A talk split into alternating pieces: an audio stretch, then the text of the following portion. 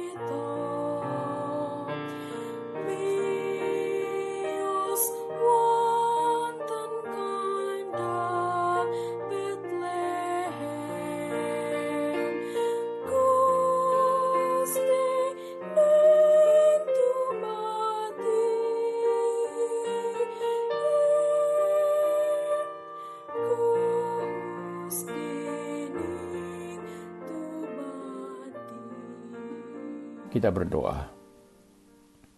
Ya Allah, Tuhan kami, kami berada pada penghujung tahun 2020. Kami tetap memerlukan pencerahan dari sabdamu yang menuntun perjalanan kami mengakhiri tahun ini yang penuh dengan tantangan dan pergumulan. Bersabdalah ya Tuhan, karena hambamu bersedia mendengarkan dan menghayatinya. Di dalam nama Kristus Yesus, Sabda yang telah menjadi manusia, kami berdoa. Amin. Pembacaan Alkitab diambil dari Matius pasal 12 ayat 46 hingga 50. Matius 12 ayat 46 hingga 50 Lembaga Alkitab memberi judul Yesus dan Saudara-saudaranya. Ketika Yesus masih berbicara dengan orang banyak itu, ibunya dan saudara-saudaranya berdiri di luar dan berusaha menemui dia. Maka seorang berkata kepadanya, "Lihatlah ibumu dan saudara-saudaramu ada di luar dan berusaha menemui engkau." Tetapi jawab Yesus kepada orang yang menyampaikan berita itu kepadanya, Siapakah ibuku dan siapakah saudara-saudaraku? Lalu katanya sambil menunjuk ke arah murid-muridnya, Ini ibuku dan saudara-saudaraku. Sebab siapa pun yang melakukan kehendak Bapakku di sorga, dialah saudaraku laki-laki, dialah saudaraku perempuan, dan dialah ibuku. Bagian pembacaan yang terakhir ini saya ulangi. Sebab siapa pun yang melakukan kehendak Bapakku di sorga, dialah saudaraku laki-laki, dialah saudaraku perempuan, dialah ibuku. Demikian sabda Tuhan bagi umat Tuhan. Saudara-saudaraku, kita semua mungkin pernah mendengar pepatah, "Friends are the family we choose." Atau dalam bahasa Indonesia bisa diterjemahkan, para sahabat adalah saudara yang kita pilih. Maksudnya, para sahabat kita telah menjadi bagian dari keluarga kita yang baru, bukan karena hubungan darah atau keturunan, tetapi karena kita memilih atau kita dipilih untuk menjadi sahabat, untuk bersahabat. Mengapa? Ada beberapa penyebab yang lazim, antara lain memilih bersahabat karena ada kesamaan, misalnya mempunyai sudut pandang yang sama, mempunyai hobi yang sama, mempunyai kesenangan yang sama, cocok atau nyambung dalam percakapan-percakapan serius maupun santai. Ada juga yang bersahabat justru karena perbedaan mereka ini justru bersahabat karena ada perbedaan yang dihargai di antara mereka. Perbedaan yang membangun.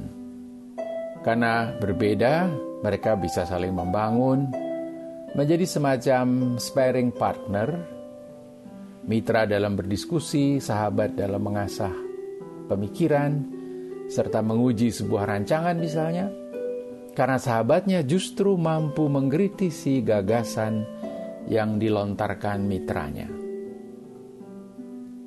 Ada juga orang yang bersahabat karena cocok sekali satu sama lain. Mereka berbeda, tetapi mereka cocok. Mereka klop. Atau kata orang Sumatera, ibarat rantang dengan tutupnya. Keduanya berbeda, tapi keduanya klop. Mereka bersahabat serius karena di dalam perbedaannya mereka dapat saling melengkapi. Dan di dalam relasi antara dua sahabat itu mereka merasa menjadi utuh. Nah, saudara-saudaraku, sepertinya Tuhan Yesus sudah mengenal pepatah di atas, sebab Ia berkata, "Siapa pun yang melakukan kehendak Bapakku di sorga, dialah saudaraku laki-laki, Dialah saudaraku perempuan, dialah ibuku. Yesus memilih para sahabat dan saudaranya berdasarkan sebuah kriteria, yaitu siapa saja yang melakukan kehendak Bapaknya di sorga. Nah, teks ini dapat menimbulkan kritik terhadap Yesus, dan Yesus bisa dianggap tidak menghormati ibu dan saudara-saudaranya.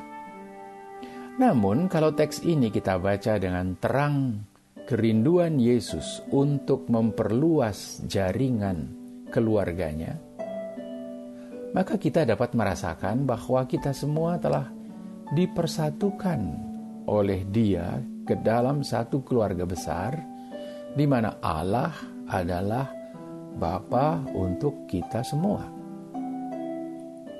Pertanyaan pokok yang dimunculkan oleh Yesus ialah, Siapakah ibuku? Jawab Yesus sungguh provokatif dan bertujuan untuk membuat para pendengarnya memikirkan kembali prioritas-prioritas hidup mereka. Hubungan biologis dan psikologis dengan ibunya Maria merupakan suatu keniscayaan yang tidak bisa disangkal, a given. Yesus tidak bermaksud merendahkan hubungan itu namun masih ada hubungan yang lain yang bukan didasarkan atas pertalian darah, tetapi karena iman. Iman yang timbul karena manusia menjawab panggilan Yesus untuk mengikut Dia. Panggilan kemuritan. Inilah prioritas di atas semua relasi antar manusia. Adakah kita selalu sadar akan prioritas yang mengarahkan hidup kita ini? Saya membaca kisah itu secara sederhana membayangkan keluarga terkasih Yesus datang pada saat ia sedang berkhutbah. Lalu Yesus menggunakan kehadiran mereka untuk memperluas hubungan kekeluargaannya. Yesus tidak menyangkal adanya ikatan keluarga, tapi dia justru ingin memperluas relasi keluarga itu dengan cara yang dia katakan. Terrelasi dengan Allah menjadi awal dari semua relasi antar manusia. Kita berasal dari Allah sebelum datang dari ayah dan ibu. Ada saatnya keluarga menjadi nomor dua setelah Tuhan.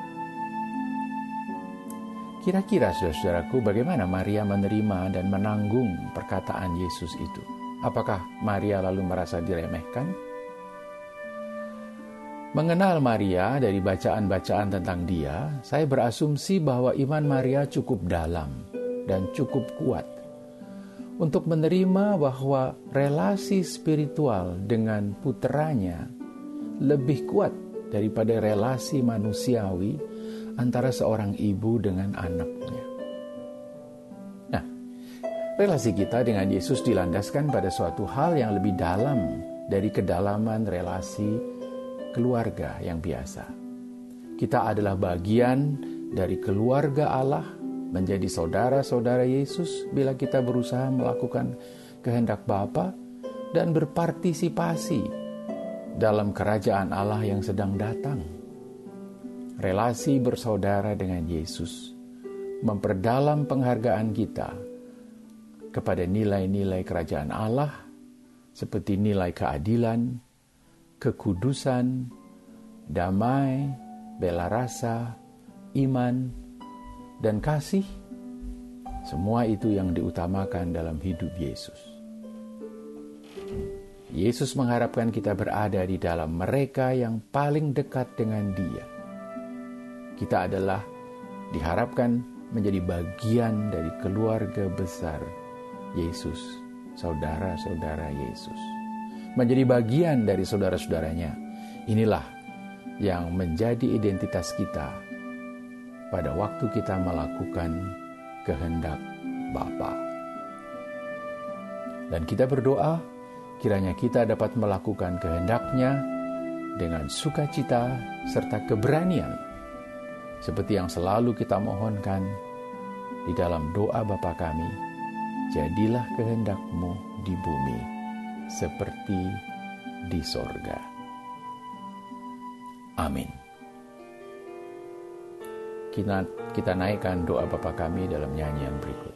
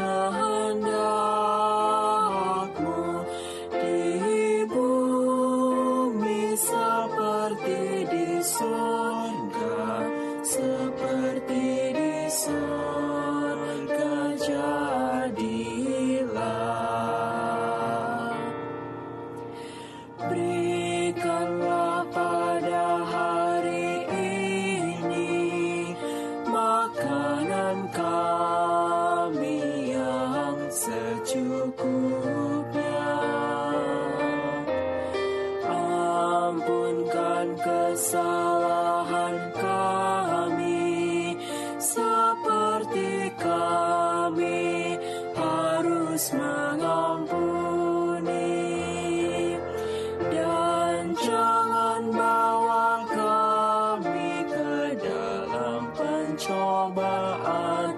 Lepaskan kami dari yang jahat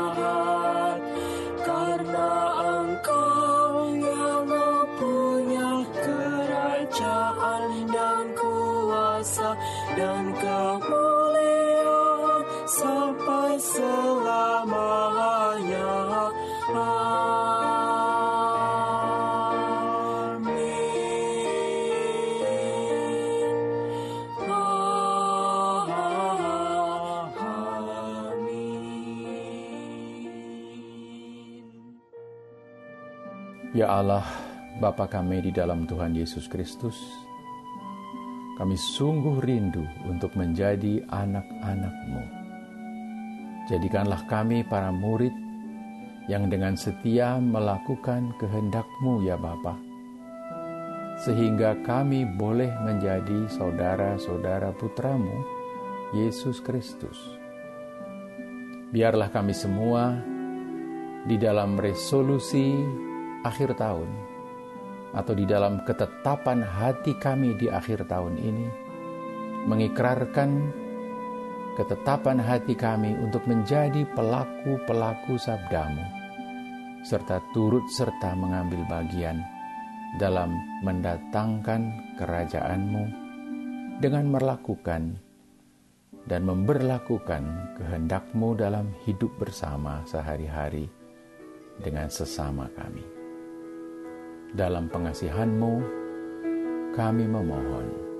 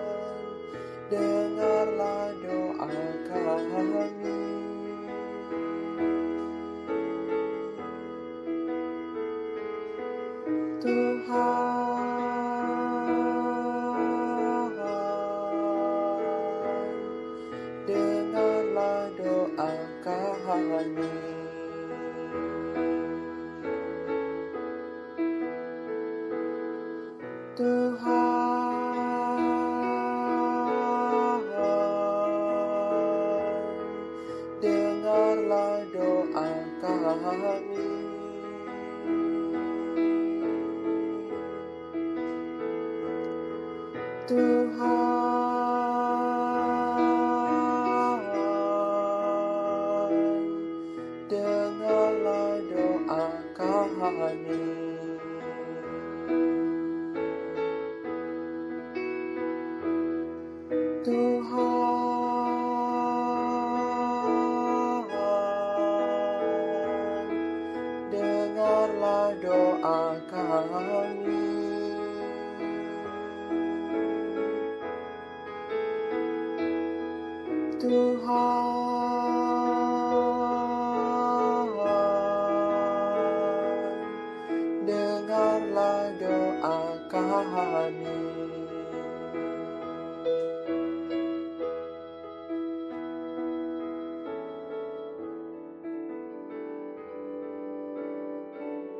Amin.